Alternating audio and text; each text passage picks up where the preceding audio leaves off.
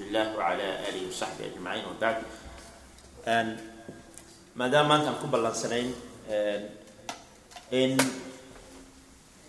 darsigii ama duruustii galabtoo kale dhici jirtaan aan u bedelno muxaadarooyin maadaama uu maaragtay sheekh hani sheekh cabdiqaadir ou martinooyahu noo joogo aan uga faa-iidaysano fursaddaas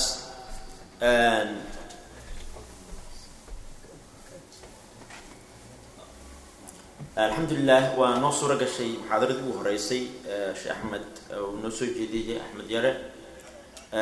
Ilaahay hanugu anfaco isagana miisaanka xasanaadkiisa ilaahay kor maaragtay ugu daro. Insha allah waxaan insha allah sameyneynaa marka muxaadaradii labaad ayaa noo bilaabanaysa. Uu noo soo jeedinaya sheekhan sheekh cabdiqaadir balse ka hor waxaa nala jooga oo de maaragtay culimmada la wadaagaya insha allah sheekh mahdi marka insha allah isaga ayaan ku soo dhaweynayaa. Markaasi uu kelmid yar insha allahu tacaala uu maaragtay u dhaho insha allah uu nagala qayb qaatay insha allahu tacaala maantay kelimaadka. Meeshaan maaragtay muxadarooyinka insha allah.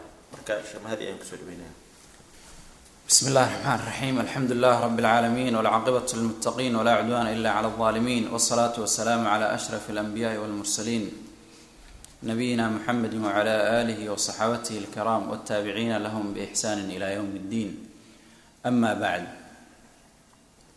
إله سبحانه وتعالى هنو أنفع علمضة ربانيين تأه ee ahlu sunnada ah ee itibaaca manhajkii salafka salaf saalix calayhim ridwaanullah aan ku daninayno inaynu wahagayaan ilaahay subxaana wa tacaala hanaga dhigo kuwii ku intifaaca culumtooda iyo muxaadaraadkooda iyo tawjiihaadkooda. Yaa ikhwaani fi llah kolley aniga ma idin muxaadareynayo laakiin keliya waxaan jecelahay in wax yar aan ka idhaahdo culimmada iyo dowrka ay mujtamaca ama bulshada dhexdooda ay ku leeyihiin. Waxaa laga yaabaa in badan dadku markay culimo ay ararkaan oo muxaadarooyin loo dhigdhigo oo dowrooyin loo qabto oo yacni duruus loo akriyo in dadku in badan yacni soo noqnoqoshada ay ku soo noqnoqonayaan culimmadaas ama ay ar arkayaan waxaa laga yaabaa dad badan inaysan yacni mansiladoodii iyo booskoodii culimmadu ay lahaayeen iyo dad badan oo ka mid a in macnaha ay garan waayaana laga yaabaa. Ilaahay subxana wa tacaala dadka wuxuu ka dhigay dabaqaad iyo maraatib iyo darajooyin ayaa ilaahay subxaana wa tacaala u qeybiyey darajooyinkaasna kolleyto marka mujtamac ahaan la yidhaahdo culimmada ugu sarreysa sheegi maayo kolleyto ambiyada iyo saxaabooyinkooda iyo sheegi maayo laakiin mujtamac ahaan marka la fiiriyo mujtamacaadka caadiga culimmada ugu sarreyso ilaahay subxaana wa tacaala wuxuu yidhahday yarfac illahu aladiina aamanuu minkum waladiina uutuu lcilma darajaat. Ilaahay subxaana wa tacaala wuxuu kor yeelayaa aladiina aamanuu minkum kuwa rumeeyay oo idinka in ka mid ah. Iyo waladiina kuwii buu kor yeelayaa uutul cilma cilmiga la siiyey darajaat. Darajooyin ayuu ilaahay subxana wa tacaala kor yeelayaa. Culimmadu markay fasirayaan waxay dhahaan ilaahay subxaana wa tacaala waa uu kor yeelay kuwa iimaanka laga helay oo mu'miniinta ilaahay darajooyin ayuu kor yeelay. Kuwa ahlu cilmigaana ilaahay darajaad ayuu iyagana kor yeelay oo darajooyinkooda ayuu kor yeelay. Qofkii cilmi iyo iimaan isku darsadaa wuxuu helayaa darajadii iimaanka iyo wuxuu helayaa darajadii cilmiga. Waa laba darajo soo ma ah culimmadu waxay leeyihiin darajaadkaas. Ay waxay dhex leeyihiin mujtamaca dhexdiisa. Ilaahay subxaana wa tacaala markii uu towxiidkiisa ka sheekeynaya ilaahnimadiisa wuxuu yidhaahday shahid allahu anahu laa ilaha ilaa huwa waalmalaa-ikatu wa ululcilmi qaa'iman bilqist. Shay lagu markhaati furo kan ugu weyn oo ah ilaahnimada uluuhiyada ilaahay subxaana wa tacaala iyo kelinimada iyo mutaysiga uu mudan yahay cibaadada ayuu ilaahay wuxuu markhaati uga dhigtay nafsadiisa kabacdina malaa'igtuu ku xijiyey wuxuuna ku saddexeeyey wa ululcilmi dadka ahlu cilmiga ah. U fiirso ilaahay subxaana wa tacaala wuxuu ku xiray oo uu magacooda uu isku meel ku sheegay malaa-igta. Malaa-igta ayaa lagu xijiyey. Halkaas marka waxaa ka dareemaysaan ahlu cilmiga darajadooda iyo makaanadooda iyo booska iyo mujtamac dhexdiisa ay ku leeyihiin. Nabigu calayhi salaatu salaam wuxuu yidhaahday alculamaau warathatu lambiyaa culimmadu waa kuwii dhexlay ambiyada. Mana aysan dhexlin uu yidhaahday dirham iyo diinaar ee waxay dhexal siiyaan cilmi. Qofkii cilmigaas wax ka helana wax wanaagsan ayuu nasiib u helay ayuu nabigu yidhahday calayhi salaatu salaam. Kolley qofkii cilmiga dhexalka wax ka arkay miiraadka iyo dhexalka hadba qofka ugu sii dhowaa seela saas darteed waa isxijaabaan soo ma adnaa arkin. Way isxijaabaan. Culimmadu marka waxay dhahaan sababta ahlu cilmiga ama culimmadu ay ambiyada ay u dhexleen waxay tahay sababtoo ah dadka kale ayay uga dhow yihiin. Dadka kale ayay uga dhow yihiin. Ninka axaadiidta rasuulka calayhi salaatu wasalaam dhammaantood wada xifdisan wax allaale wixii nabiga laga soo wariyey. Intooda badan boqolkiiba sagaashan xifdisan iyo qofka aan ka aqoonin boqolkiiba shan isku mid miyay noqonayaan nabiga calayhi salaatu wasalaam u dhawaanshihiisa isku mid may noqonayaan? Isku mid noqon maayaan. Taas marka waxay keenaysaa in la taqdiiriyo in la ixtiraamo in laga faa-iideysto meeshii laga helaba. Culimada qaarkood waxay dhihi jireen qofka caalimka ah yani culimada salafka waxay dhihi jireen caalimku waa daalladeyda ama waa baadideyda ayuu dhihi jiray. Maymuun ibnu mehraan waa baadideyda meel kastoon ku maqlana waan raadinayaa beled kastoo iga galaanna waan ka raadinaya oo dhihi jiray. Qalbigaygana ma saalix noqon maayo oo hagaagi maayo ilaa aan la fadhiisto culimmada ayay dhihi jireen culimmada salafka. Ilaahay subxaana wa tacaala wuxuu yidhaahday inamaa yakhsha allaha min cibaadihi alculamaa. Ilaahay waxaa si dhaba uga baqa dadka culummada ah ee yaqaana. Walaalayaalo waxaan kula talinayaa masaajidka aniga inuu saan faaruq ahaado saraaxatan maanan jeclayn. Baahida yacni loo qabo culimmada iyo mujtamacan hadda meeshaan joogo halkan ku nool baahida ay culimmada u qabaan iyo tawjiihaadka culimmada iyo haddana masaajidka faaruq isaga yahay haddii waxaa laga yaaba haddii shaarican la maro haddii maqaayadaha la tago haddii biibitooyinkii dukaamada la tago in laga buuxo. Meeshaana waxaa idiin jooga axad culamaa culimmadeeni nin ka mida ayaa noo jooga oo kelimadii uu yidhaahdo yacni ilaahay subxana wa tacala inuu nagu anfaco ay u badan tahay koleyta waxaan rajeynayaa intiina joogtaa inay ka faa'iidaysato. Inta khadka internetka dhegeysanayna inay ka faa'iidaysato. Haddii uu muxaadarada dhameeyana aan u ducayno ilaahay subxaana wa tacaala culammadeena intii dhimatana ha u inta noolna ha xifdiyo. Bismi illaahi raxmaan raxiim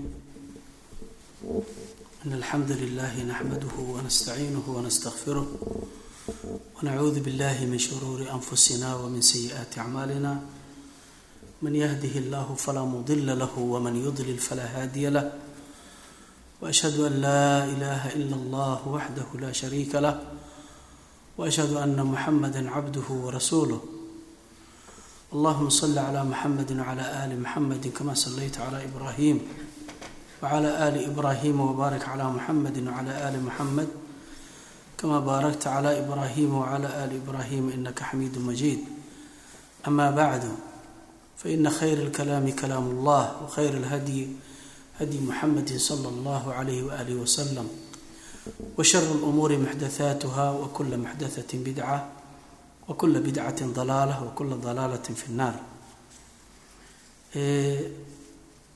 إخوتي الكرام sida ay maamulka masjidka ama markaska ay sheegeen cunwaanna ay ka dhigeen kelimadeenna inay noqoto zinada iyo adraarteyda durka ay leedahay mujtamaca dhexdiisa ay ku leedahay. Inaan wax ka sheegno cunwaanka kelimaddu sidaas ayay noogu sheegeen maamulka masjidka. Waxaan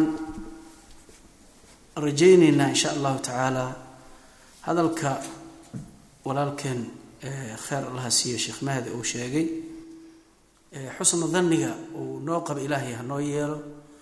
Laakiin anagu min tulaab alcilmi baan ka mid nahay ardadaas weliba tuwaylib baa la yidhaahdaa oo taskhiiru aalib wax weyn ama qaliilu bidaaca la yidhaahdo baanu nahay. Laakiin waxay wadaadadii dhihi jireen waman lam yajid maa-an tayamama biturbi bay dhihi jireen. Qofka hadduu biyo waayo oo ku weysaysto waa booreystaa boor boorka beddelkiisii galo. Marka hadda atayamum biturbi waa waxayna maahane ma ahin maaragtay dadka uu sheikhu tilmaamay.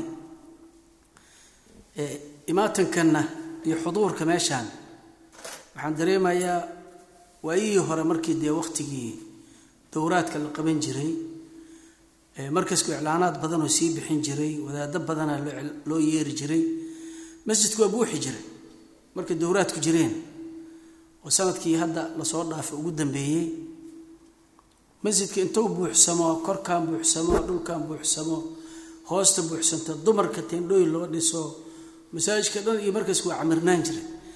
Laakiin hadda dowradii loogu talagalay iyo wadaadadii imaan lahaa baanan jirin. Anigana hadda waa un muruur aan magaalada soo sameeyoon imid. Baan u soo maray maahane. Kolley waxaan filaya waqtigii dowradii iyo dadka caad iclaanka la gaarsiin jiray inuu dhiman yahay. Inta hadda soo xaadirta marka kelimadan inaysanba sahlanayn aada u badan tihiin baama dareemaya. Laanna galab kelimadii aan jeedinayna dadkii fadhiyey waxay ahaayeen afartoo ay ag fadhida markaa galabtii dhaweyta halkaan joognay. Marka maanta waa u buuxdaanba markii saan la idiin fiiriyo waa galabtii dhaweyta waa dhaantaan. Haddii aan mawduuciga u noqdo ay culammadu soo ikhtiraaxeen zinada iyo maaragtay dhibka ay leedahay. Runtii mowduucaas waa mowduuc muhiimadiisa leh oo aan filaya sheekhii sheekh axmed iga horreeyana inuu kelimadan ka hadlay. Ma aanan joogin waa ka maqnaa. Laakiin markii loo bandhigayo loo sheegayay baan ogaa taleefonka loo dirayay inuu ayadana inuu ka hadlay baan qiyaasaya. Mowduucaanna mujtamaca muslimkaa inay aada ugu baraarugaan waa mowduuc loo baahan yahay wey waa qeyb jiritaanka dadka muslimiinta ka qeyb qaato zinada oo lala dagaalamo. Zinada oo dadka laga tawciyeeyo oo dadka laga wacyigeliyo waa shay weyn oo mujtamaca dhiskiisa ka qeyb qaata weeyaan.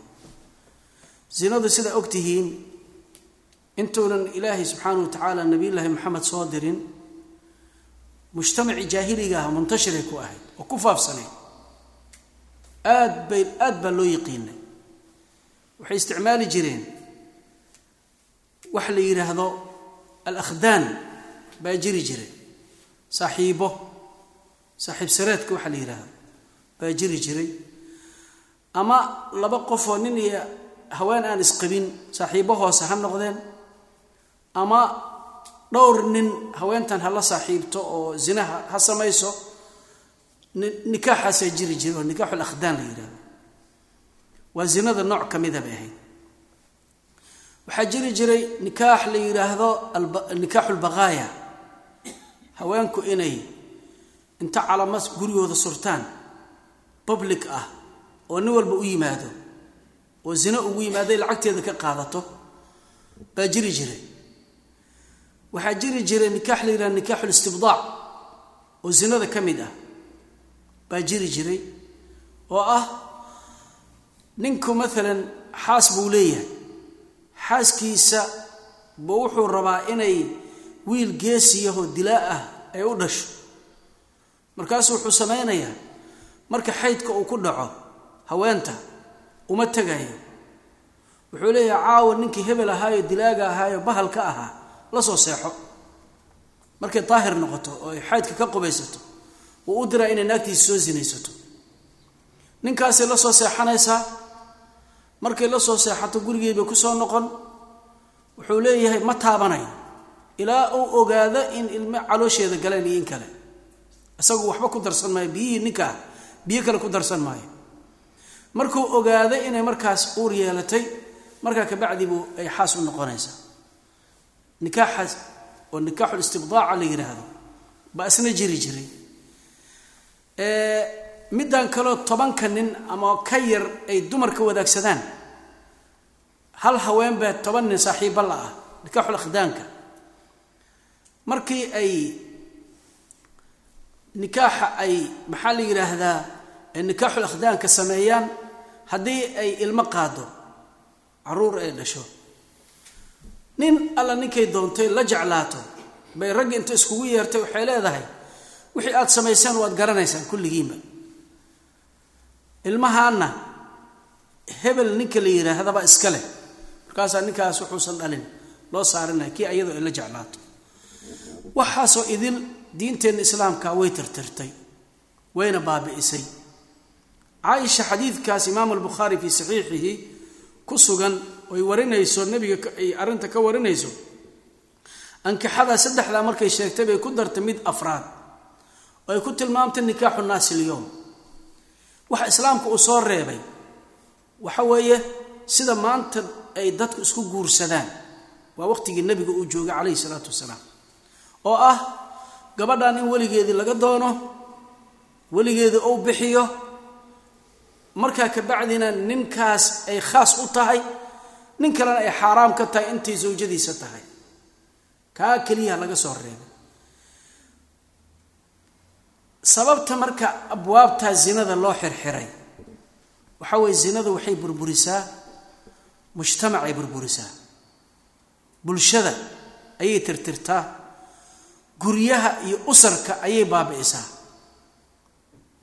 waxay leedahay adraar ijtimaaci ah darar ijtimaaciya oo maaragtay mujtamacaas ama bulshadaasi dhib badan u keenaya bay zinadu leedahay. Sidaa darteed buu islaamku diinteenna ay u xarimtay zinada waxa la yidhaahdo. Bal zinada iska daaye wax alla wixii zinada wasiilo u noqon lahaa oo gaarsiin lahaa oo dhamna waa nala ka reebay wax alla wixii zinadan. In laga joogsado oo zinadu yaraato ka qayb qaadanayana islaamku wuu amray oo waa la faray. Marka sidaa darteed masaladan zinada la yidhaahdo waa mas'ala ee mujtamacaadka burburiso weeyaan. Waxaan arki doonnaa marka zinadaas nahyiga ku soo arooray oo ilaahay uu nooga reebayo. Dadka zinada ka haro madxiga iyo ammaanta ilaahay uu u jeediyey ayaan arki doonnaa insha allahu tacaala. Sida zinada mujtamacaadka markay ay ay ay zinadu ku badato sida islaamka uu daweeyey oo waqtigii nabiga calayhi salaatu wasalaam la soo dirayo aad ay u faafsanayd ee muntashir u ahayd qaabka loo cilaajiyey oo loo daweeyeyna waxbaan ka ishaari doonaa insha allahu tacaala waxa u horeeyo zinada waa nala ka reebay ilahay wuxuu le allah wuxuu leeyahy subxaanahu wa tacala fi suurati اlisraa walaa taqrabu الzina inahu kana faaxishata wa sa'a sabiila zinada ha u dhowaanina yaan loo dhowaan maxaa yeelay waa shay faaxisha ah faaxishana waxaa la yidhaahdaa alkhasla almutanaahiyati fi lqubxi baa la yidhahdaa yacni xaaladda foolxumada yoolka ka gaartay ayaa faaxisha loo yaqaana waa shay faaxisho ahoo fool xune ha u dhowaanina. Waddo la marana iyada u xun. Marka sidaa darteed ka joogsada ayuu allah leeyahay. Ha u dhowaanina lama odhanin walaa tasnu lama dhihin ha sinaysanina lama odhanin zinada ha u dhowaanina. Macnaheedu waa maxay? Wax alla wixii zina ku gaarsiinayaba ka fogow wey. Wax alla wixii zina ku gaarsiinayoo dhan ka fogow. Bal zajriga iyo nahyiga waxaad arkaysaa nebigu inuu ku tilmaamay calayhi salaatu wasalaam. Qofka markuu muslimka ahi oo zinaysanayo rag iyo dumar wuxuu yahayba oo zinadu ay ka dhacayso inuu isagoo mu'minaho iimaan laba ziyaysan uusan zinaysan. Ee nusuusta ay tilmaamayso markuu zinaysanayaba axadkaas iimaanka in laga rafciyo laga kor yeelo. Waa khatar wey shay khatara wey qofka insaanka naftiisa ma milkiyo ma laha isaga. Markii iimaankaas lagaa siibo sidii qamiis lagaa siibay oo kale lagaaga bixiyo oo bilaa iimaan aad tahay ood ficilkaa samaynayso hadday tii alla kuu timaado maxaad ku dhiman? Geerida hadday kuu timaado qofku muxuu ku dhimanaya? Waa arrin khatara wey sidaa darteed buu nebigu yidhi calayhi salaatu wasalaam xadiid imaamu albukhaari wa imaamu muslim ay warinayaan.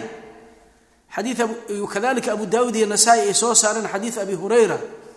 Wuxuu rasuulku yidhi calayhi salaatu wasalaam laa yazni zani xiina yazni wahuwa mu'min walaa yasriqu saariqu xiina yasriqu wahuwa mu'min walaa yashrabu alkhamra xiina yashrabuha wahuwa mu'min yani ila aakhiri alxadiid wuxuu nabigu yidhi calayhi salaatu wasalaam qofka zaaniga ma zinaysto asagoo mu'min ah mu'min ma aha markaas yacni zinada laguma kufriyo oo hadda ka mid maaha qofka markuu zino la yimaado sida khawaarijta iyo muctasilada iyo wamanaxa naxwahum waxa ayaga dariiqooda maro ama maaragtay la jaalka ahi ay isticmaalaan oo ah dunuubta in dadka lagu gaalaysiiyo. Macnaheedu ma aha. Laakiin naskan wuxuu tilmaamayaa marka uu zinaysanayo sida nusuus kale ee cabirayso iimaanka in laga kor yeelo. Laakiin markii uu dhammaysto waa loo soo celiyaa.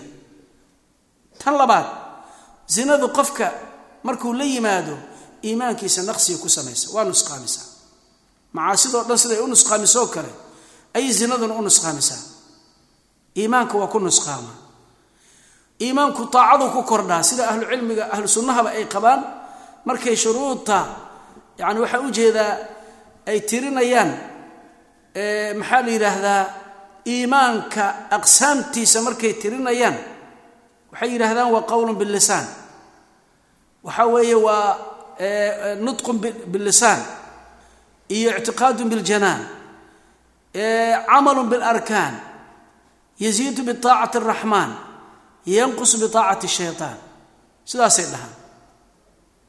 Iimaanku waa carabka qofka kaga dhawaaqo laa ilaaha ila allah muxamedun rasuulu llah qalbiga uu ka ictiqaadiyo jawaarixdii xubnaha uu ka camal falo iimaanku wuu kordhaa aacada ilaahay allihii raxmaanka alla ateeco buu ku ziyaadaa wuxuu ku nusqaamaa macaasiduu ku nusqaamaa. Marka naaqisul iimaan buu noqonaya qofka oo macaasidaasaa iimaankiisa nusqaaminayso.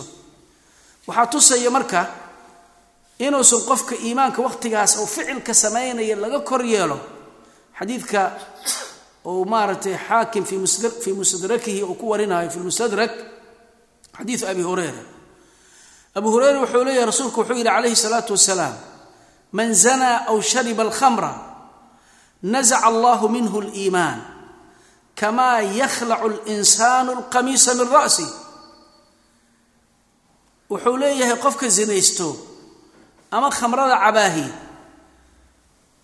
allah iimaanka ayuu ka siibaa iimaankaa laga bixiya laga siibaa.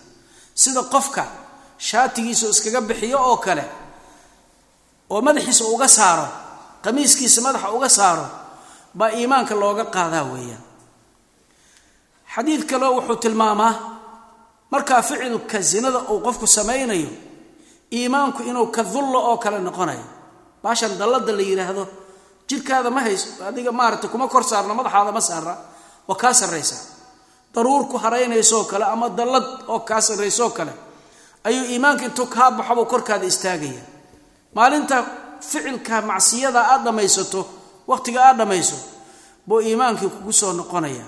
Saasoo kale buu leeyahay. Xadiidkaas imaam tirmidi fii sunanihi buu ku warinaya wakadalika abu daawuud iyo bayhaqi. Xadiidu abi hurayra wuxuu rasuulku yidhi calayhi salaatu wasalaam ida zana alcabdu kharaja minhu liimaan qofka markuu zinaysto zinada uu ku jiraahi waxa weeye iimaanka waa ka baxaa iimaanka ka dhex baxo oo ka kor noqdo. Fa kaana kadullati calaa ra'sih markaasuu wuxuu noqdaa yacni daruur oo isaga korkiisa saaran ama dallad korkiisa saaran oo kale buu noqdaa. Ka sarrayso madaxiisa ka sarrayso oo kale buu noqdaa. Uma idaa aqlaca rajaca ilayhi aliimaan. Xadiidkaas saasuu leeyahay.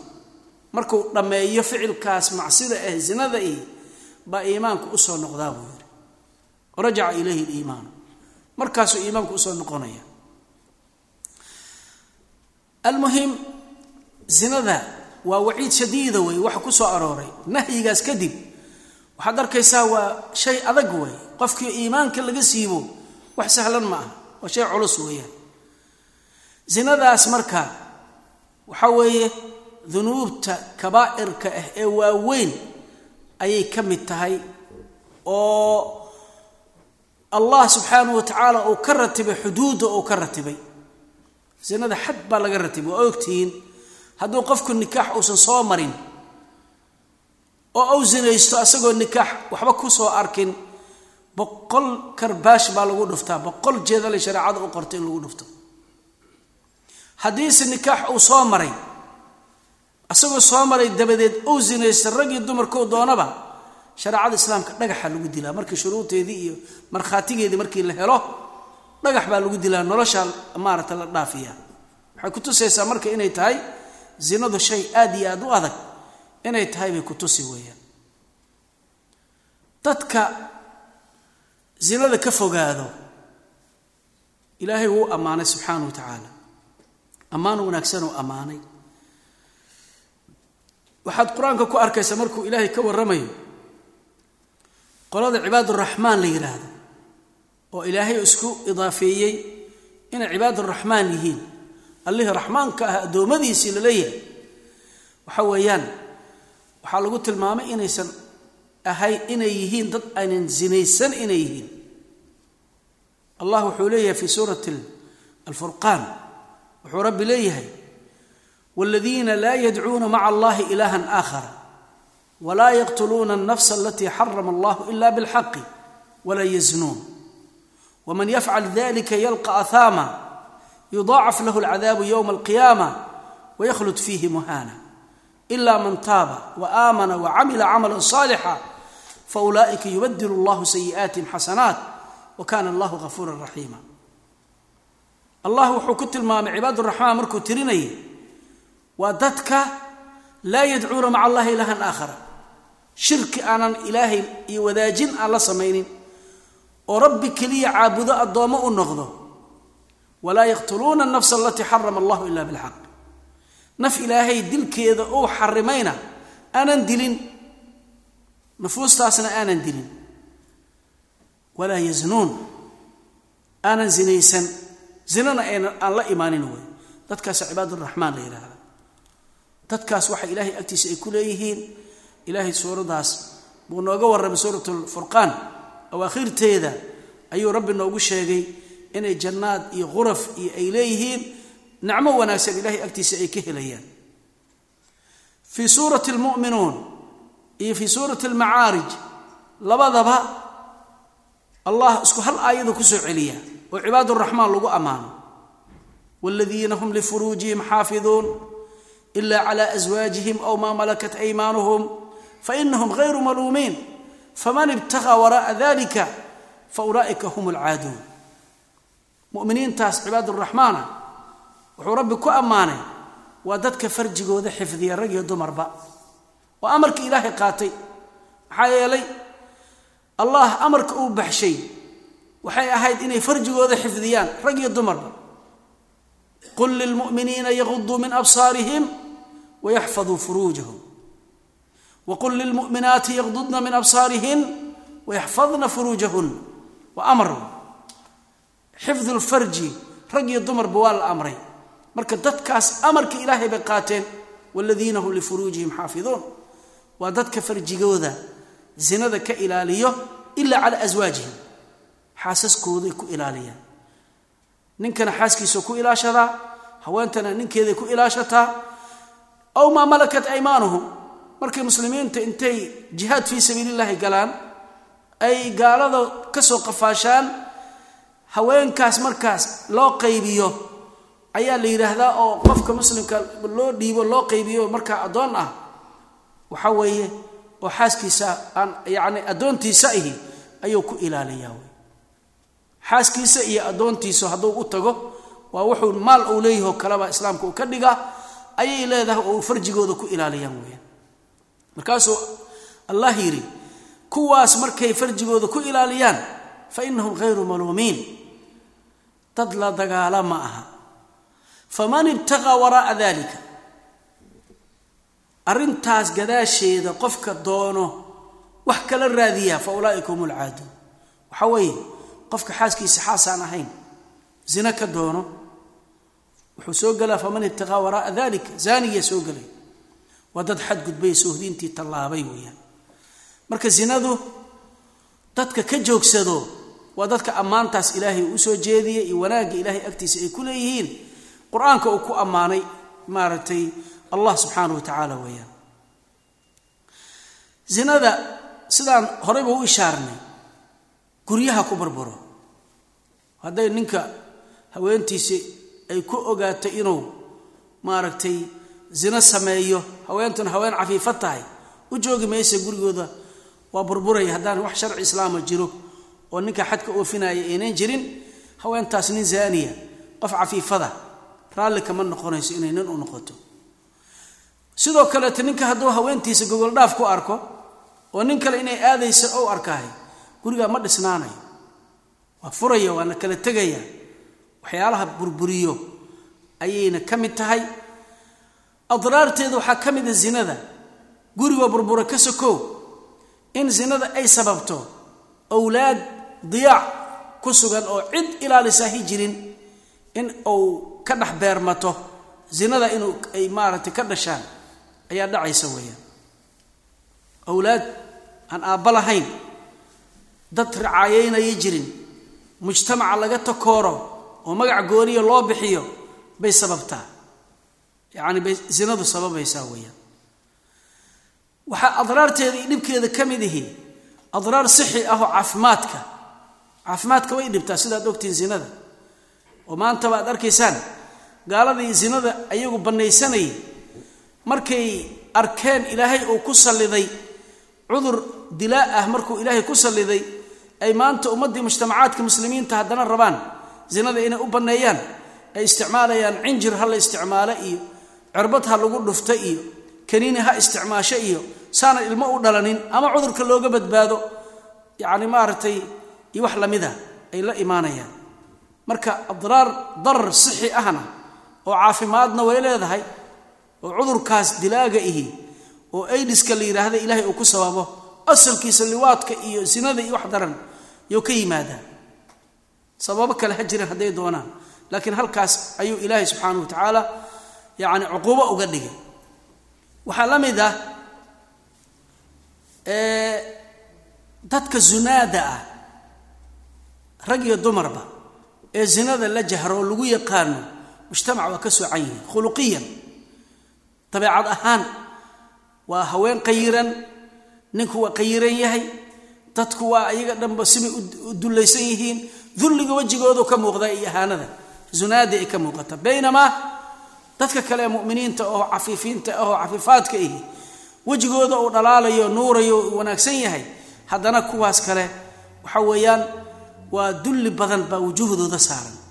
Sinada waxyaalahaas ay leedahay akhlaaq ahaan dabciga qofka oo aanan maarata khuluq wanaagsan ku dhaqmin qofka wuxuu rabo iskaga hadlo haweenta waxay rabto sheegto isqaawiso baloo dhan samayso iyo wixii lamidabaa ka dhalanaya sidaa darteed waxa weeyaan waa wasiilada keliyahoo dadka islaamka ka soo horjeedo cadowga u ahay diinta islaamka ay adeegsadaan zinadaas baa ka mid a.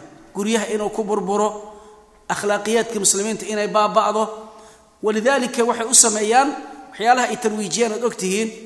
Waxa la yidhaahdo taxriiru lmara haweenta waa xor say rabta ha u labisato. Maxaa loo xijaabaa loo duuduubayaa?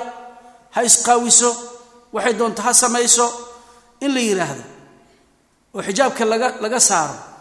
Tabaruj iyo sufuur iyo waxa la yidhaha qaawanaan dadka loo horseedo. In loo horseedo ikhtilaad oo rag iyo dumar la isdhex galo waad ogtihiin maanta dumarka meesha ay gaarsiiyeen ee dadkan gaalada ama reer ay gaarsiiyeen. Waxaad ogtihiin inay noqoto shayga keliya oo loo adeegsado dicaayaadka iyo xayeysiinta iyo dumar qaawana loo adeegsanayo. Dumar qaawan baa loo adeegsadaa. Wax walba yacni ayagaasaa lagu xayeysiiya inta la soo qaawiyo baa dicaayaadkii jaraa-idii iyo wax alla wixii alaabtii la faaninaya iyo wixii in la gata la raba iyo haweenkaasaa loo adeegsadaa maaragtay waxa lamidka ah weeyaan. Sidaa darteed qofka muslimkaa mar kastaba inuu ogaado ilaahay subxaanahu wa tacaala inuu shaygan ka xarimay amarka ilaahayna qofka muslimkaa inuu qaato rag iyo dumar waa laga maarmaan. Allah subxaanahu wa tacaala hadduu shay amro rasuulkiisa uu shay amro qofka mu'minka ahi khiyaar ma laha. Ilaa inuu u hoggaansamo awaamirtaas alla iyo rasuulkiisa xaggiisa ka yimid. Inuu u hoggaansamo mooye baab kaloo u furin ma jiro. Sida allahba uu leeyahay fii suurati alaxzaab wamaa kana limu'minin walaa mu'minatin ida qada allahu warasuuluhu amra an yakuuna lahum alkhiyaratu min amrihim waman yacsi allaha warasuulahu faqad dalla dalaalan mubiina allah saasuu leeyahy subxaanahu wa tacaala nin mu'min ahoo alla iyo rasuulkiisa rumaysan haween mu'minad ahoo allah iyo rasuulkiisa rumaysan haddii alla iyo rasuulkiisa shay ay amraan ay xukumaan wax khiyaaruu leeyahay labadooda ay leeyihiin lama arkabu rasuul allah leeyahay subxaanahu wa tacaala cid alle ciddii allah iyo rasuulkiisa amarkiisa ku caasisana waa dad dhumay weeyaan. Sidaa darteed mujtamacii muslimka ahaa markii nabiyullaahi moxamed ilaahay subxaanahu wa tacaala uu diinkan yacni maaragtay uu u daahiriyey oo u muujiyey oo uu ka kor yeelay diimihii kale si mujtamacii faasidka ahaa ee jaahiliga ahaa ay uga socmaan muslimiinta zinada hal mar lama dhihin yacni hal mar lama goynin.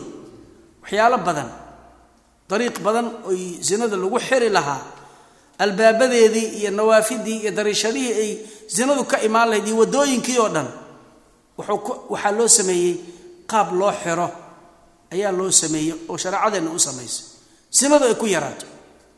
Waxaa ka mid a qaabkaasi oo ugu horeeyo gabadha muslimadda inay xijaabato. Markay gabadhu jirkeeda qariso oo ziinadeedii quruxdeeda ay qariso qayb zinada ka mid ahi waa tagtay. oo gabadhaas muslimadaahee muxajabadaahee asturan qof faasiqa nin faasiqoo hawaysanaya ma jiro. laakiin markay dharka soo dhigato oo ragga hortooda iyadoo qaawanaya socoto oo ay maaragtay isa soo cadriso isa soo barafooniso soo uusato y balaayo dhan wixii shahawaadka kicin lahay oo dhan ay maaragtay isa soo mariso shaydaan kasta kulligii waa u hawoonaya. Shaydaan kasta gabadhan macnaha yaysanba ku dhihin kaalay laakiin wixii ay kaalay kugu dhehayso oo maaragtay la yidhahdo lisaanulxaalkii lisaanulxaalkeeda wuxuu ku tusayaa kaalay ii imow inay ku leedahay. Isoo raac marka faasiqoo dhan markaasuu dabagelaya. Xijaabka marka waa shayga koowaad oo lagu tirtiray arrintan lagu baaba'shay weya zinada lagu dhameeye wey wuxuu ilaahay qur'aanka ku amray gabdhaha muslimaadka inay xijaabtaan ziinadoodii iyo quruxdoodana aysan muujinin aayado fara badan buu rabbi subxana wa tacala qur'aanka noogu sheegay. Fii suurati alaxzaab allah wuxuu leeyahy isagoo nebiga la hadlayo ya ayuha nabiyu qul liaswaajika wabanaatika wanisaai lmuminiin yudniina calayhina min jalaabibihin dalika adnaa an yucrafna falaa yu'dayn wa kana allahu gafuura raxiima nabigeennu allah la hadlay wuxuu yidhi waxaad tidhaahdaa xaasaskaaga iyo gabdhaha adiga aad dhashay iyo ragga mu'miniinta dumarkooda xaasaskooda haweenkii kale xijaabkoodii ha raariciyeen. Maxaa yeelay inay jirkooda qariyaana xijaabtaan ayaa maaragtay u dhowaansho badan gabdho cafiifaadahoo dhowr sano mu'minaada inay yihiin in loo garto. Iyadaa ugu dhowaansho badan wey oo markaas fusaaqdu aynan dhibin. Maxaa yeeley ninka faasiqaahi waxay aayadaha markay soo degaysay waxay yidhaahdaan haweenka xaraa'irka ah xorta ah maahane kuwa addoommada ahi markay bannaanka u baxaan maadaama aysan musqulo jirin wakhtigaasi musqulo dadku ay galaan aynan jirin oo duurka la aadi jiray bay gabadha addoontaa markay baxday bay fusaaqda daba raaci jireen faasiqiinta daba ordi jireen. Hadday qof xora arkaanna waa ka leexan jireen. Marka sidaa darteed baa marka xijaabkii loo saaray si aysan fusaaqda faasiqiinta loo amray yacni si aysan faasiqiinta u dhibin baa xijaabkaas marka loo amray weeyaan. Haweenta markay xijaaban tahay qofka faasiqaahi ninka faasiqa kuma soo degdego walidaalika ilaahay markuu nabiga xasiskiisa la hadlayay wuxuu ku yidhi waidaa sa'altumuuhunna mataaca fas'aluuhunna min waraa'i xijaab. Raggii dumar ikhtilaadka loo diidan yahay isdhexgalka min waraa'i xijaab inay raggii dumarku kala asturan yihiin ayaa la doonaya. Fii suurati nuur allah wuxuu leeyahay walaa yubdiina ziinatahunna ilaa maa dahara minha walyadribna bikhumurihina cala juyuubihin walaa yubdiina ziinatahunna ila libucuulatihina aw aabaa'ihina ila aakhiri ilaaya aayadda way dheer tahay. Allah wuxuu leeyahay quruxdooda yaynan dumarkii muujinin ilaa maa dahara minha marka ilaa maa dahara minha culammada macaani dhowra bay ku fasiraan wixii muuqday mooye. Jirkaas kore marada koreo ka muuqata way ku fasiraan. Waxay ku fasiraan alwajhu walkafaan wejiga iyo labada calaacalood mooye meel kale yaysan bannaynin gabadhii ziinadeedii quruxdeedii yaysan bannaanka soo dhigin. Markaasaa haddana jilbaabka koroo madaxa ay inta surtaan qoorta ay bannaan tahay bay labisan jireen iyo xabadka meelahan ay iska qaawanaan jireen. Markaasaa le walyadribna bikhumurihinna calaa juyuubihinna. Jeebka waxaa la yidhahdaa qamiiska meeshiisaa koree furan ayaa jeeb la yidhahdaa. Carabtu u taqaan. Jeebkan annaga aan wax ku ridanna jeeb ma aha. Halkaa koraa la yidhahdaa. Marka khimaar intay madaxa soo gashato oo xijaabka ka hooseeyo luqunteeda ha qariso ha ku xirato yaa la leeyahay. Si aanan loo arkin qoorteeda iyo dahabka saaran iyo xabadkeeda iyo si aan loo arag maaragtay ha u labisata baa layidhi walaa yubdiina ziinatahunna ilaa libucuulatihin. Quruxdoodana yaysan muujinin ilaa nimankooda aabbayaashood yacni nimanka sodoga u ah wiilasha ay dhaleen nimanka maaragtay ayaga qabaahi wiilasha ay haweenkana u soo dhaleen oo aayooyinka ay u yihiin walaalahood oo rag iyo dumara wiilasha ay dhaleen iyo wixii la mid ah waa la tiriyey. Aayaad aayaddaa way tiro badan tahay.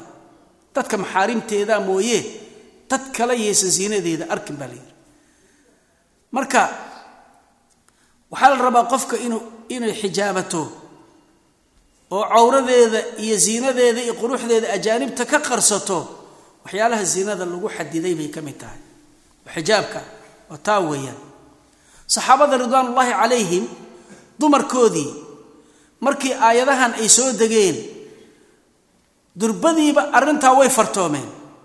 Xadiid cabdirasaaq sancaani fii musanafihi uu ku warinaayo ibn abi xaatimna oo soo saaray xadiidu umu salama aharka umu salama laga wariyo umu salama zawji nabiy sal alla alay wasalam oo nabiga xaaskiisii ahay waxay tidhi lamaa naزlat hadihi اlaaya yudniina calayhina min jalaabiibihina aayadda fii suurati alaxsaab ku jirto oo xijaabkoodii ha raariciyeena markay soo degtay kharaja nisaau lansaari kaana calaa ru'uusihina alghirbaanu wa calayhina aksiyatun suudun yalbasnaha yacni waxay tidhi aayaddaa markay soo degatay haweenkii ansaartii nabiyullaahi maxamed iyo muhaajiriinta raggii soo dhoweeyey dumarkoodii ahaa haweenkaasi guryahooday ka soo baxeen ayagoo yacni madaxooda aada moodo sida ay sakiinada iyo xasiloonnada ay u socdaan shimbirka la yidhaahdo tukaha oo madaxooda saaran yahay aada moodo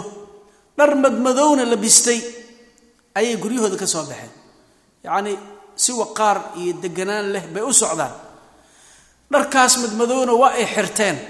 Waa umu salama radi allahu canha ayay hadalka odhanayso sidoo kaleeta caaisha radi allahu canha sida imaamu lbukhaari abu daawuud iyo xaakim ay warinayaan waxay tihi caaisha yarxamu allahu nisaءa almuhaajiriina alwal lama naزlat walyadribna bikhumurihina cala juyuubihina shaqaqna muruutahuna faاkhtamarna biha waxay tihi caaisha ilaahay ha u naxariisto haweenkii muhaajiraadka ahaa raggii muhaajiriinta raggii muhaajiriinta xaasaskoodii hore allah u naxariisto markay aayaddan fii suurati nuur ku jirto ay soo degtay walyadribna bikhumurihina calaa juyuubihinna bay go-yaashoodii inta dildilaaciyeen bay waxay ka dhigteen khimaar.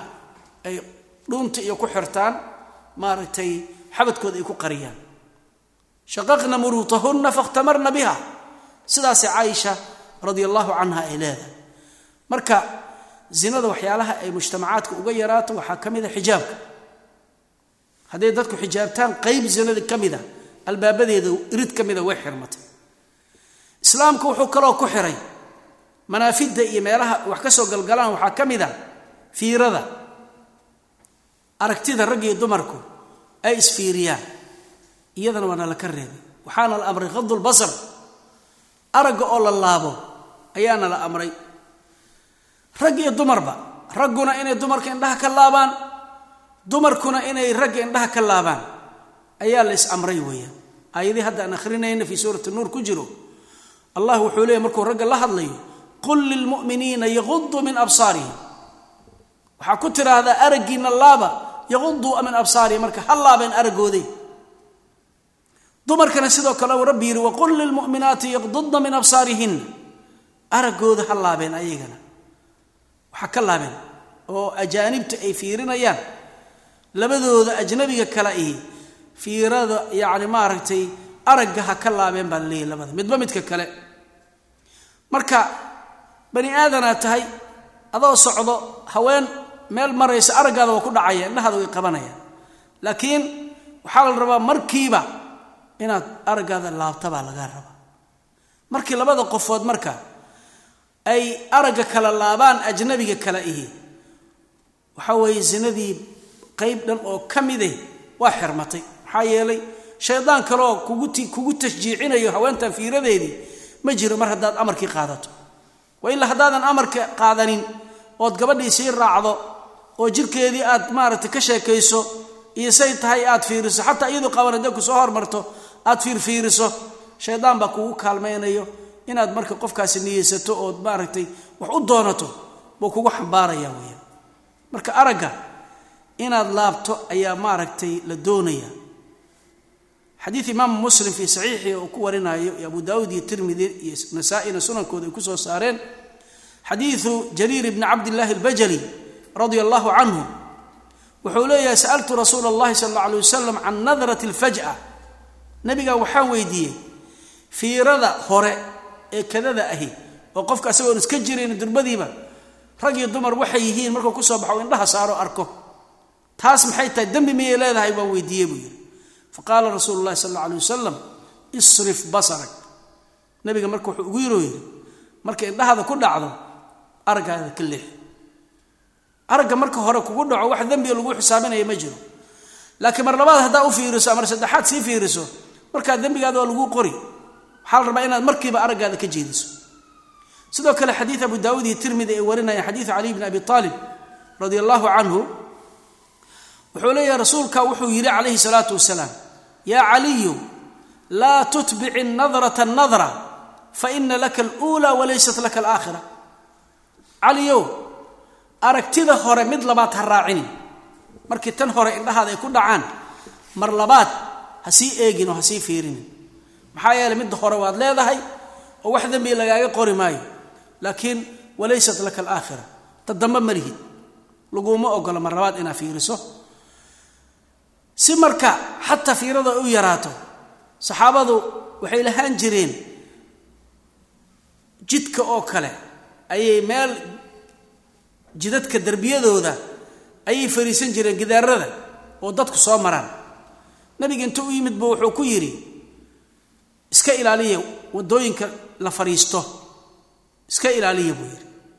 Markaasuu yidhi rasuulka ilaahay oo meel kaloo fadhiisanaba maba qabno waa meelaanu ku sheekaysanno oo iskugu imaanno. Nabiga wuxuu yidhi haddii aad diideen inaad fadhiisataan mooye waddooyinkiiyo wax kale aad diideen. Ariiqa xaqa uu leeyahay siiya. Xadiidkaas imaamu lbukhaari baa fii saxiixii ku warinaya xadiidu abi saciid alkhudri radi allahu canhu. Wuxuu rasuulku yidhi iyaakum waljuluusa fi turuqaati.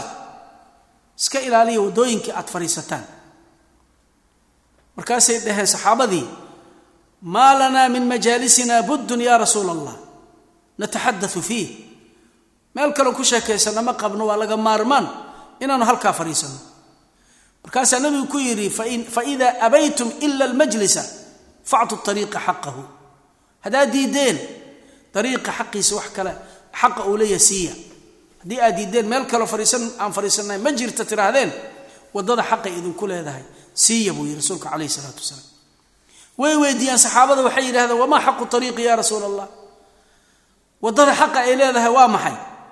Markaasuu nebigu ka bilaabay qadulbasar aragga oo la laabo oo ajnabiga ah ka laabto. Dadka ajaanibta ka ah muxaramaadka maaragtay iyo xaaraamta ka ah fiiradooda inaad araggaaga ka laabto. Wa kaful adaa dhibkaada inaad waddada ka daysatoodan dadka xamanin qofaa soo maray markaasaa le hebel waxbaad ka sheegi ku kala soo maray heblo waxbaad ka sheegaysaa. Marka dhibka inaad dadka ka ilaalisaan carab iyo ficil midna idnan ku dhibin. Midda saddexaad waraddu salaam. Waxa xaqu ariiq waxa weeye haddaa adiga jidka fariisato qofkii kuu yimaado assalaamu calaykum ku yidhaha inaad salaamta ka radiso tira wacalaykum asalaam walamru bilmacruuf wannahyi can lmunkar inaad ariiqa munkar haddaad ku aragtana aad dadka ka reebto macruufkana aa farto haddaada intaa samayn karin ha fariisan. Marka intaa samayn karto waddadaa fariista buu yidhi nabig waa u fasaxay calayhi salaatu wasalaam. Laakiin shuruuddaasaa ku xiran weeya. Marka mowduucaas oo aragtida ahna waxa weeyaan aragga ayay baloo dhan ka bilaabataa. Fitno idil xaggee ka bilaabataa arkidday ka bilaabataa. Qofta markaa is aragtaan oo la is arko waa la wada hadli markii la wada hadlo lisi salaamoo la sheekaystana waxaa dhici karta shaydaanku inuu yidhaahdo maa xaafaddaasaan deganahay iyo taleefanno la kala qaata iyo hebel xaggaa iga soo wac iyo meeshaasaan joogaa iyo hadhowdana ballan la samaysto shaydaanna uu maaragta ku rido. Maxaa la yidhaahdaa? Macasidii ay marka dambe sameeyaan. Xagee bay ka soo bilaabatay? Aragtidii horey ka soo bilaabatay. Waxay ku dambaysay liqaa iyo zino in la sameeyo ayay ku dambaysay weeyaan. Marka kan labaad oo irdaha zinadu ay ka soo gashaa islaamku diinteenna ay ku xirtay waxa weeye waa qadulbasar wey araggoo la laabo weeyaan midka saddexaad waxa weeye khalwada waxaa la yidhahdaana laka xarima waa manaafidda iyo maaragtay daldaloolada iyo waddooyinka zinadu ku timaado bay ka mid tahay mid ka mida weeyaan. In nin iyo haween ajnabi kale ah wiil iyo gabar ajnabi kale ah inay meel ku gooni noqdaan khalwaa la yidhaahdaa khalwada waa muxaram nabigeenna uu reebay calayhi salaatu wasalaam. Marna nalooma ogola. Khalwadu waa shayga zinada keenay ka mid taha iyadana. Labadooda markay gooni noqdaan oo nin iyo iyo maaragtay ay haween ajnabi kale ihi meel gooniya guri qol gooniya ay galaan meel mugdiya keligood ay isla istaagaan. Shaydaan baa saddexaynaya markaa waxay doonaan bay samayn karaan. Sidaa darteed diinteennu way reebtay nabigeennu wuu reebay calayhi salaatu wasalaam khalwada waxa la yidhaahdo.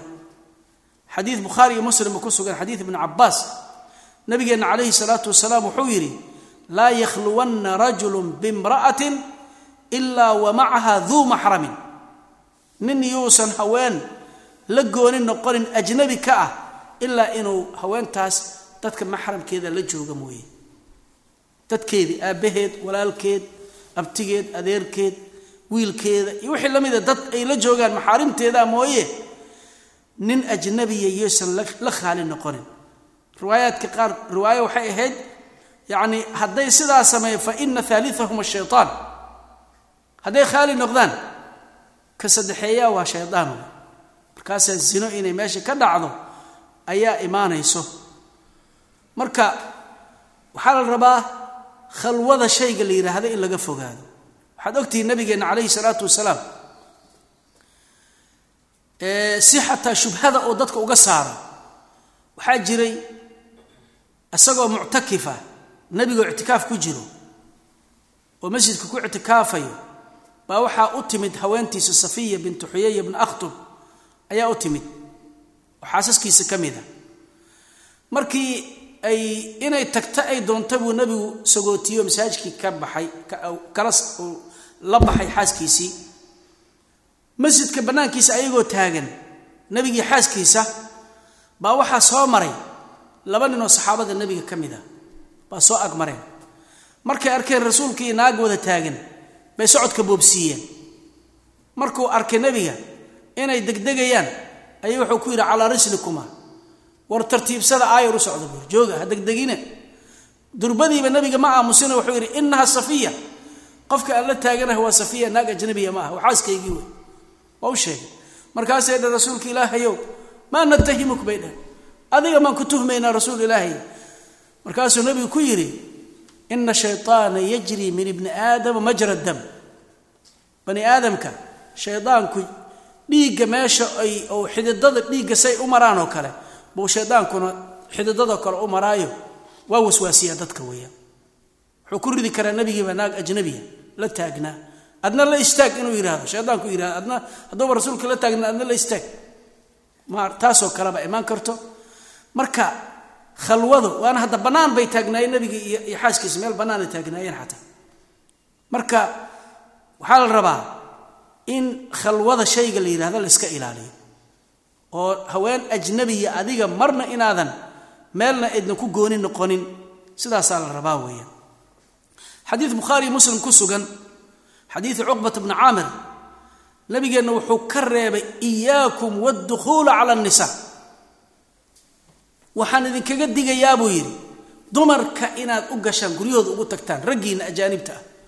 Ragga waxaa ka mid a raggun afar ilaa sac dumarka saa uga daba wareego oo guryaha xataa markay ragga ka maqan yihiin laga yaaba inay u dabamarayaan oo guryaha galaan.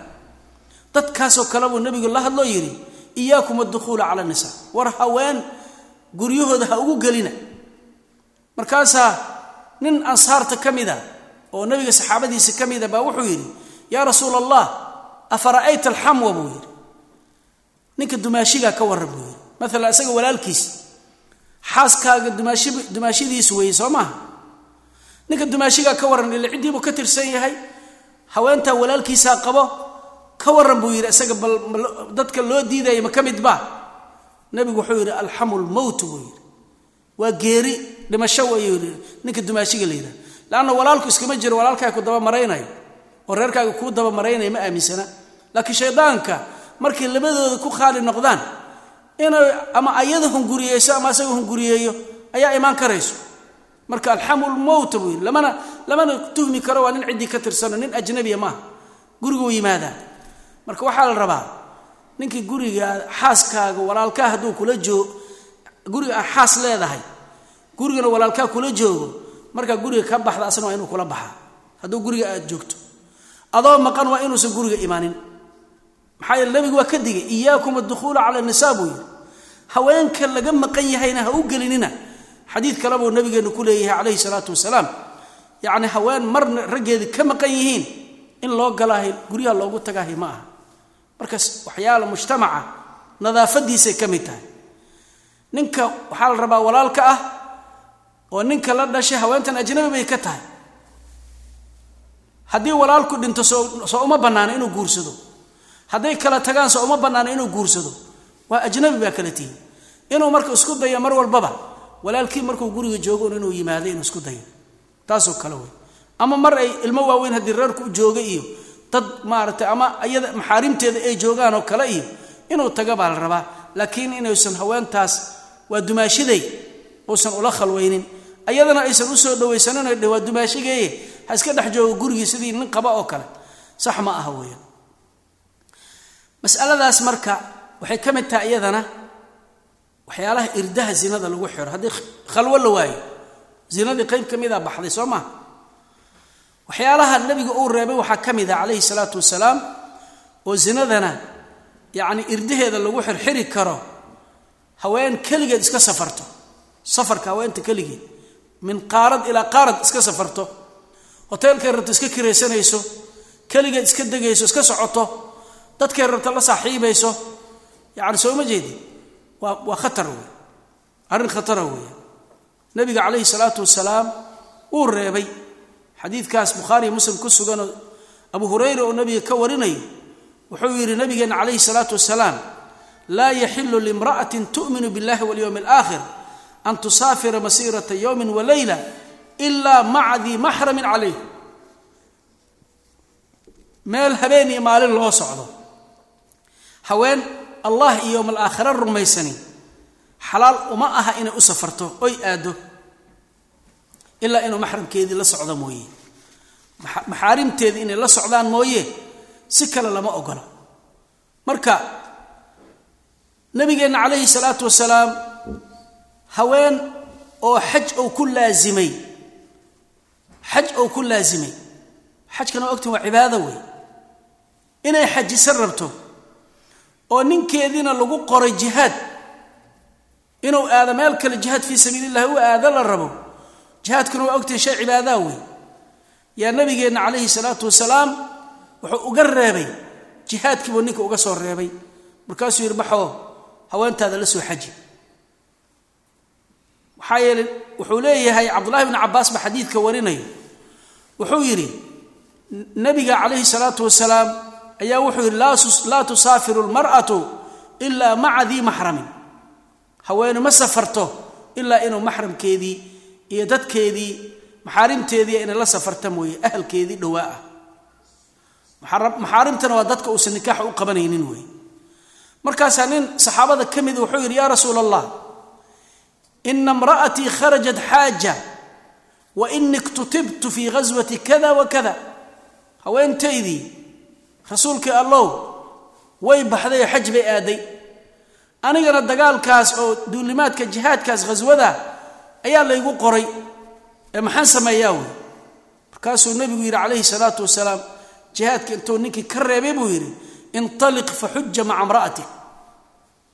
Tag oo haweentaada la xaji jihaadkiina waa uu ka reebay. Ordo raac maxram u noqo la xaji buu yidhi. Marka safarka waxyaalo fara badana ka imaanaya. Gabdhaha inta tigidka keligood iska goosto oo la maaragtay waxaan aadaynaa maaragtay maxaa la yidhaha turisma u soconnaa iyo keligeed iska baxayso magaalooyin fulaani iska aadayso hoteelkay rabta iska kiraysanayso waxa weeye fisqigay sahlaysaa zinaday sahlaysaa waa dumar wey waa laga qaalib noqon karaa iqraa baa lagu samayn karaa. Yacni maaragtay shaydaan baa maaragtay ugu kaalmaynayo lacag baa lagu maaragtay lagu kharash garayn karaa. Xumaan iyadoo xataa u qasdinba waxaa dhici karta inay ku dhacdo. Maxaa yeeley dumarku waa hilib waa. Cad hilib keliya iska socdo meel yaallo weeyaan. Nin kastaana hunguriyeynaya faasiq kastaa hunguriyeynaya marka inay maxaarimteeda la socoto oo dadkeeda maaragta la safarto ayay sunnada nabigeenna calayhi salaatu wasalaam ayuu amray sunnaduna ay ka mid tahay weeyaan. Waxyaalaha lagu maaragtay zinada manaafideeda iyo irdaheeda iyo darishadaheeda lagu xirxiray iyo wasaa'ilkii gaarsiin lahaa lagaga joojiyey waxa weeye waa taxriimu likhtilaati bayna alrijaali waannisa rag iyo dumar inay isdhex qaadaan oo isdhex jiiraan lama ogola. Rag iyo dumar maaragtay oo sidii xoolo la isku sii daayey oo kale isdhex qaado oo gaaladu isticmaasho diinteennu ma taqaano. Rag iyo dumarka waa kala soocan yihiin kala soocan yihiin ikhtilaad ma jiro. In la isdhex galo waxa weeyaan waxyaalaha fududeeyo zinaday ka mid tahay arkaysaa gawaaridii baa la isla raacaya laga yaaba gabadhaan iyo wiilkan laba kursi isku dhegan inay isla fadhiistaan oo ajnabi kale jirkooda isgaaro. Waa dhici kartaa yacni kalaasyadii iskuulaadkii iyo jaamacaadkii baa ikhtilaadkii ka jira oo rag dumar isla fadhiisanaya. Mujtamacii jidkii laftiisii baa ikhtilaadkii ka jira meelaha la iskugu tago oo maxaafisha ah baa ikhtilaadku maarata jira. Waxaa la rabaa in la kala sooco xagga shareecadan islaamka in la kala ilaaliyo labadaas jinsi. Ayaa la rabaa marba haddaysan dad maxaarim muxaramaad maxaarima aysan ahayn oo ajnabi ay kale yihiin ikhtilaad waa inuusan dhicin. Haddii marka ikhtilaad isku darsan la isdhexgala la waayo maxaa hagaagay? Mujtamacii qayb dhan baa u hagaagta rag iyo dumar isdhex jiiray maaragtay meelaha qaarkood waxaa arkaysa hadda dad badanoo hadda alxamdulilah idinka dhul waasacaad haysataane meelaha anagu joognoo kale. Ciiddiioo kale waxaad arkaysaa maalin ciida. Baa meel waxaa lagu tukanayaa maala musallaa yaan iskugu imaanay salaadda marka la tukanaya sax rag iyo dumarku waa kala fog dumarkii gadaalay joogaan ragganu horay laakiin hal iriday leedahay. Markaasa waxaa arkaysaa nin inaag isdul saaran oo albaabkiisaa u socdo. Baad arkay ma cibaadadu soo doonta mise fisqiu soo doonta qofka haween nin dul saaran nin haween dul saaran raggii dumarkii saa isku ah iyo albaabkii laga wada baxaya. Waa waxyaalaha oo maaragtay waxyaalaha aan wanaagsanayn ayay ka mid tahay weeyaan. Marka waxaa la rabaa ikhtilaad inuusan dhicin oo raggiyo dumarka aan la isku dhex darine la kala geeyo. Mujtamacaas waxaa ku yaraanaya zinadaa ku yaraanaya waxyaalaha islaamka uu ku fududeeyey ee yacni maaragtay cafaafnimada iyo dhowrsanida iyo nadaafadda uu ku fududeeyey zinadana uu ku yareeyey albaabadeeda uu ku xirxiray waxaa ka mid ihi guryaha oo la iska galo bilaa idnin. Guri ajnabi aadan adiga lahayn inaad idan la'aan iska gasho. Annaga soomaaliya markaan joognay hadday albaabadaaba dadka u xiranay waxa la yidhaha hoodi dalaq la yidhahday qabaan waa ku jira guriga asagoo ku dhex jiro kuleey hoodi waryaa joogo buu bilaabaya isagoo guriga dhex fadhiyo. Lama raba istidaana laga rabaa qofka. Inuu marka hore idin soo gargaraaco oo dadkii ou salaamo oo codkiisa la maqlo inuu nin yahay la ogaado oo haweentii markaas intaan loo idnin ay xijaabato dharkeedii qaadato baa la rabaa. Laakiin gurigii iska soo dhex istaag sax ma aha. Ilahay qur'aanku wuxuu ku leeyay ya ayuha aladiina aamanuu liyasta'dinkum aladiina malakat aymaanukum wاladiina lam yablغuu اlxulma minkum ثalaaثa maraatin min qabli salaati اlfajri waxiina tadacuuna hiyaabakum min الظahiira wmin bacdi salaati اlcishaa'i ثalaaثu cawraatin lakum aayaddaas waxaa weeyaan khadamka shaqaalahaada dadkaaga shaqaalaha iska daa dadka ajnabigaah kuwa kuu shaqeeyo ajnabiga ah iyo caruurtaada adiga aad dhashay ee qaangaarka ahaa yacni waa inay idan weydiistaan kuwa aanan qaangaarin xataa weli aan qaangaarka ahaynna saddex waqti baa idan loo ogolyahay carruurtaada inaad ku tarbiyaysaa la rabaa. Aabbaad tahay hooyaad tahay qolkaaga ilmaha aan qaangaarin in markay soo gelayaan waa inay saddex waqti idan weydiistaan. Kuwa qaangaarkana waqti kasta kulligeeda laga rabaa inay idanka weydiistaan. Iyo shaqaalahaadaba inay idankaa weydiistaan. Saddexda waqti min qabli salaati alfajri habeenkiibuu seexday odagii habartii sariirtiibay jiifaan ilmuhu inaysan dalaq iska soo dhihin ee ayagoo yar yara la baro isti'daan maxaa yeele waxaa dhici karta odagii marada inay ka dhacdo habartii inay marada ka dhacdo ama habartii odagiio hawshoodii wato ilmihii u soo galaan waxyaalo badanaa dhici karo marka sidaa darteed isti'daan waa laga maarmaan aysan carruurtii shoog qaadin tan labaad wakhtiga duhurka waxiina tadacuuna hiyaabakum min adahiira markuu guriga qofka ku soo noqdo shaqada uu ka soo laabto oo dharkii uu iska dhigo oo qofka marka gurigiisii iyo xaaskiisii inuu la khalweeyo ou rabana ayadana isti'daan iyo idan inay weydiistaan baa la rabaa. Wa min bacdi salaati alcishaa. Salaada cishaha markii la tukado kadibna waa kuwa hadda aan qaangaarin wey ba saddexdaa jeer inay idan weydiistaan la rabaa. Hadday qaangaaraan maya kulli waqti kasta idan bay weydiisanayaan dadka ajaanibtaba allah wuxuu leeyahay ya ayuha aladiina aamanuu laa tadkhuluu buyuutan hayra buyuutikum xataa tasta'nisuu wa tusallimuu cala ahliha. Dalikum khayru lakum lacalakum tadakaruun fain lam tajiduu fiiha axada falaa tadkhuluuha xata yu'dana lakum. Wain qiila lakum irjicuu farjicuu huwa askaa lakum. Wallahu bima tacmaluuna caliim aayadahaas allah muminiintou la hadlay.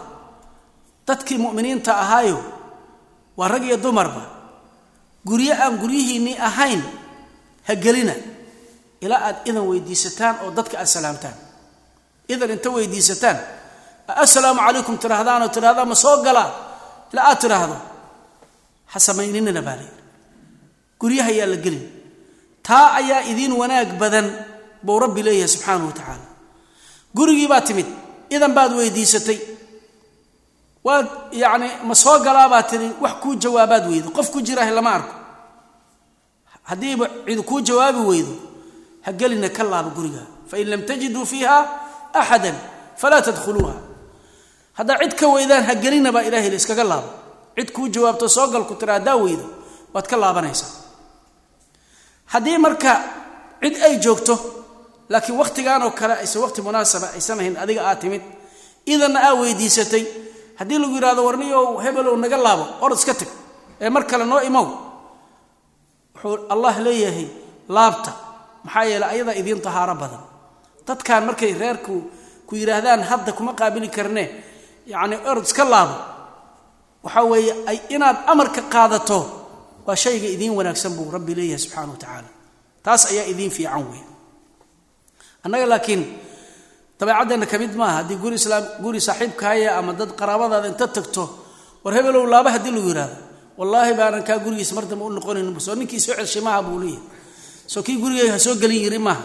Saasaan odhanayna lama rabo waxaa waaye wain qiila lakum irjicuu farjicuu saxaabada xataa waxay raadin jireen guryaha markay tagaan qof u yidhaahda hal mar war laabo bay qaarkood raadin jireen say aayadda ugu dhaqmaan. Yani taasoo kale baa la doonaya marka isti'daanka waxaa weeye qofka inuu weydiisto idan weydiisto sababta xikmada ku jirto nabigu uu noo sheegay xadiis bukhaariy muslimba ku sugan xadiidu sahl bni sacdin asaacidi radi allahu canhu wuxuu leeyahy qaala rasuulu llahi sal alay wasalam inamaa jucila alisti'daanu min ajli lbasar istidaanka waxaa loo sameeyey min ajli basar aragga dartiis. Weliba markaan idanka weydiisanayno waxaa la rabaa guriga haddii meelo furan uu leeyahay ama albaabka uu furan yahay inaad albaabka isku aadinine geeskiisaa istaagto.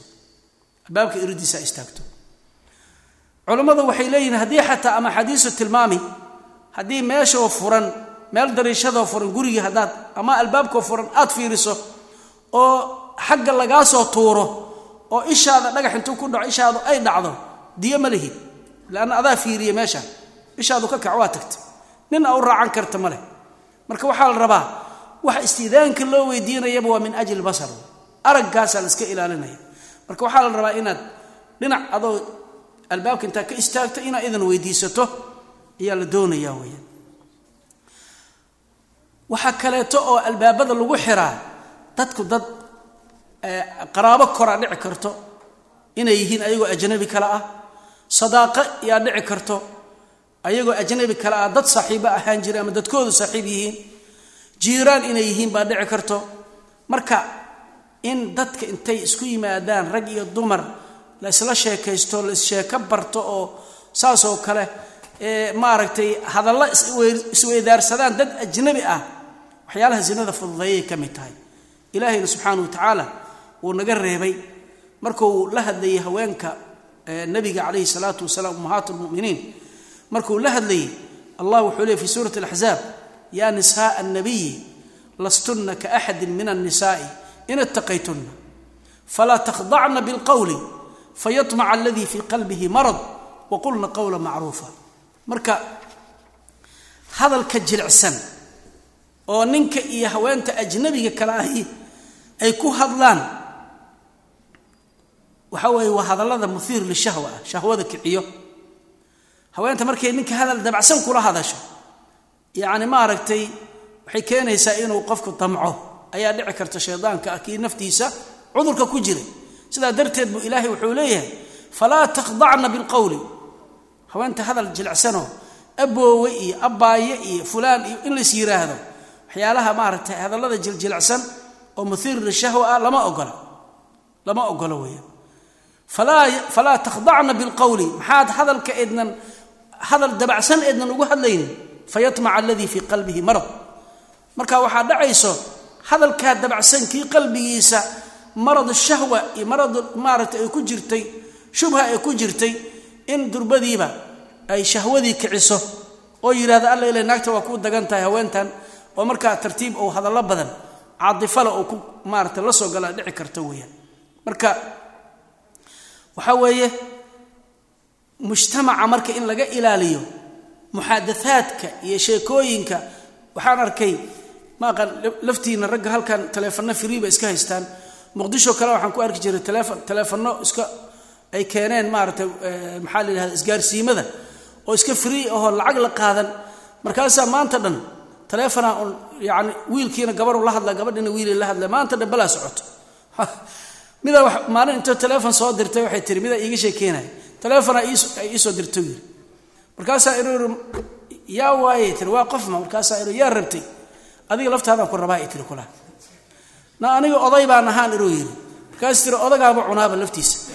Ay hadalkaasay leedahay iyo wax lamida marka waxyaalahaasoo kale waa waxyaalaha sahlay ka mid tahay. Waxyaalaha fududeeyay ka mid tahay wey marka in yacni waxyaalaha muxaadahaadka waxaa dhici karta hadda ninkaas la yidhi odagaan cunaa hadduusan ilaahay celinin inuu gabadhaa raadsado meeshay ka heli hadduusan allah ka xifdinin baa dhici kari lahayd. Marka calaa ayati xaal ragga iyo dumarka sheekadooda waxyaalaha zinada ee ku fududaatay hadalka dabacsan waa waxyaalaha zinada ay ku sahlanaatay ka mid tahay weeyaan. Waxyaalaha ilaahay subxaana wa tacaala oo zinada ku joojiyey albaabadeedana lagu xiray waxaaba ka mid ah lafdiga zina la yidhaahdo in mujtamaca muslimka aan dhexdiisa laga maqan. Hebel waa zinaystay heblaayo waa zinaysatay inuusan qofba oran karin xataa. Haddii aad tidhaahdo heblaayo waa zaaniyad ama hebel waa zaani haddaad tidhaahdo afar markhaati inaad la timaadaa lagaa raba. Afartaa markhaatiyo arkayay ficilkaa markay samaynayeen ninkaa iyo haweentii haweenta iska macsinaysan iska macsiyaysanaya indhaha saaray waa in la helaa haddaan la helin qofkaas waxa weeye xad buu ilaahay yacni maaragtay in laga oofiyo ayuu cuquubaa la dul saaray siddeetan jeedal baa lagu dhufanaya hadduu markhaati keeni waay rag iyo dumarkuu doona ha noqdo. Hebel waa zaani iyo heblo waa zaaniyad kaale afar markhaati la imow baa laleeyahy hadduu keeni waayo siddeetan karbaa siddeetan jeedala lagu dhufanaya. Siduu rabbi leeyahay waaladiina yarmuuna almuxsanaati uma lam ya'tuu biarbacati shuhadaa fajliduuhum amaaniina jalda walaa taqbaluu lahum shahaadatan abada wa ulaa'ika hum alfaasiquun intaasaa la daray. Siddeetan jeedal baa lagu dhufan. Shahaadadooda la aqbali maayo. Faasiqiinna way yihiinoo dad khaarijiin can taacati illahi buu noqonaya. Marka sidaa darteed lafdiga zinada la yidhaahdaba inuusan mujtamaca dhexdiisaba la maqlin. Hebel waa zaani qadaf baa la yihahda waa qadaf. Alqadfu bizina xaddulqadafa marka laga oofiyaa qofka zinada yani dadka ku sheego shareecadeennana marka ma ogola xataa alfaadaas in la maqlo in la maqlo. Oo mujtamac dhexdiisa lagu maqlaa waana la ka reebay wey. Maxaa marka soo baxaya mujtamacaas markii uu maaragtay dumarka ay xijaabtaan khadulbasar la sameeyo yacni maaragtay isti'daan la sameeyo khalwadii laga fogaado haweentii safarkii biduun maxramin aynan safrin masaa-ishii aan soo tirin oo dhan isku soo dar markii intaa la helo manaafidii zinada oo dhan way xihan tahay. Walidaalika dadka acdaau lislaam waxay buunbuuniyaan dadka cadowga islaamka waxay buunbuuniyaan islaamka xuduudda uu u jideeyey zinada oo ama jeedalka amase maaragtay maxaa la yidhaahdaa rajmiga ihi bay buunbuuniyaan. Xuquuqul insaanka bani aadanimada ay ka soo horjeedaa bay yidhaahdaan. Laakiin waxa weye waa kadib wa intaas markii la helo islaamku xataa ma qabo diinteennu ma qabto. Nin iyo haween ajnabi haddii shaydaan inta isku waxeeyo ay gurigooda iridda soo xirtaan adig inaad iridda ku jabiso oo aad soo tajasusta laguma dirsanin laguma dirin. Waxooda waa qarsadeen. Waxa la diidaya waxa weeye waxa maaragtay qofka la rajminayo ama la garaacayo bal idinka fiiriya qofka la rajminayo ama la garaacayo waa qof afar qof oo aan maaragtay cadaawo ku ahayn. Ila shahaadada lafteeda dadaan shahaadadooda la aqbalin baa jiro. Oo cuduula ay arkaanoo yacni kuna arkaan qofkan labadii qalab oo isku dhex jira inay arkaan. Ka markhaati kacaan. Afartaas marka qof ay iskugu timid. Ilaa qofka uu yimaado mid labaad yimaado mid saddexaad mid afraad yimaado weliba ay arkaan ficilkiioo la samaynayo. Macnaheedu ma aha labadan qofood waa qaqaawanaayeen iyo waa isdul saarnaayeen iyo lagaama rabo. Waxaa la rabaa alaabtu isku dhex jirto in la arko. Hadduusan dhihin oo intaa uusan arkin saddex hadday waa aragnay oo ka kale uu yidhahda maya anigu un labadan qofoo isdul saaran ama waa u jeeday laakiin waxba isku jiraa ma arag. Saddexdaas xadulqadafa laga oofinaya. Marka dadka la rabo ama ha la rajmiye la ama ha la jeedla la waa dad sida digaagga iyo dameeraha iyo lo-da iyo ariga dariiqa se iskugu fuulaan iyo eeyaha oo kale iskugu fuulay waay oo dadka ay arkeen. Waa kaasoo kale kaasoo kale mujtamaca ma loo daynaya? Waa in laga tahira isagoo kale? Waa in laga fogeeye wey waa in laga fogeeya. Marka zinada ilaahay subxaana wa tacaala waxa weeye mujtamaca muslimka nadaafadiisa ayaa waxa ay ku jirtaa in zinada laga fogeeyo asbaabadeedii oo dhanna wuu naga xiray walidaalika waxaad arkaysaa si zinada loo yani loo cirib tiro ilaahay wuxuu amraa awliyaa lumuurka dadka la yidhaahdo. Caruurtooda inay u guuriyaan khadamkooda u guuriyaan addoommadooda u guuriyaan ciddii aanan maaragtay reer lahayn inay madaxda u guuriyaan baa la rabaa. Wa ankixu layaama minkum wاsaalixiina min cibaadikum waimaa'ikum in yakunuu fuqara'a yugnihim allahu min fadlihi. Allah saasuu leeyahy waankixu layaama alayaama waa jamcu ayima la yidhahdaa ayim yani waxaa la yidhahdaa rajulun ayimun wamra'atun ayim labada waa la yidhahda ninka iyo xaas iyo haweenta aanan xaas lahayn ayaa ayim la yidhaahdaa u guuriya baa la leeyahay alayaama minkum kuwa aanan xaasaska lahayn rag iyo dumarba wsaalixiina min cibaadikum wa imaa'ikum. Addoommadiinna kuwa ragga iyo dumarkana u guuriya kuwooda saalixiinta say zinada u yaraato. Nabigeenna calayhi salaatu wasalaam isna sidoo kale buu amray oo shabaabka iyo dhallinyarada ay u badan tahay zinada inay dhankooda ka dhacdaa rag iyo dumarba inay guursadaan baa la amray.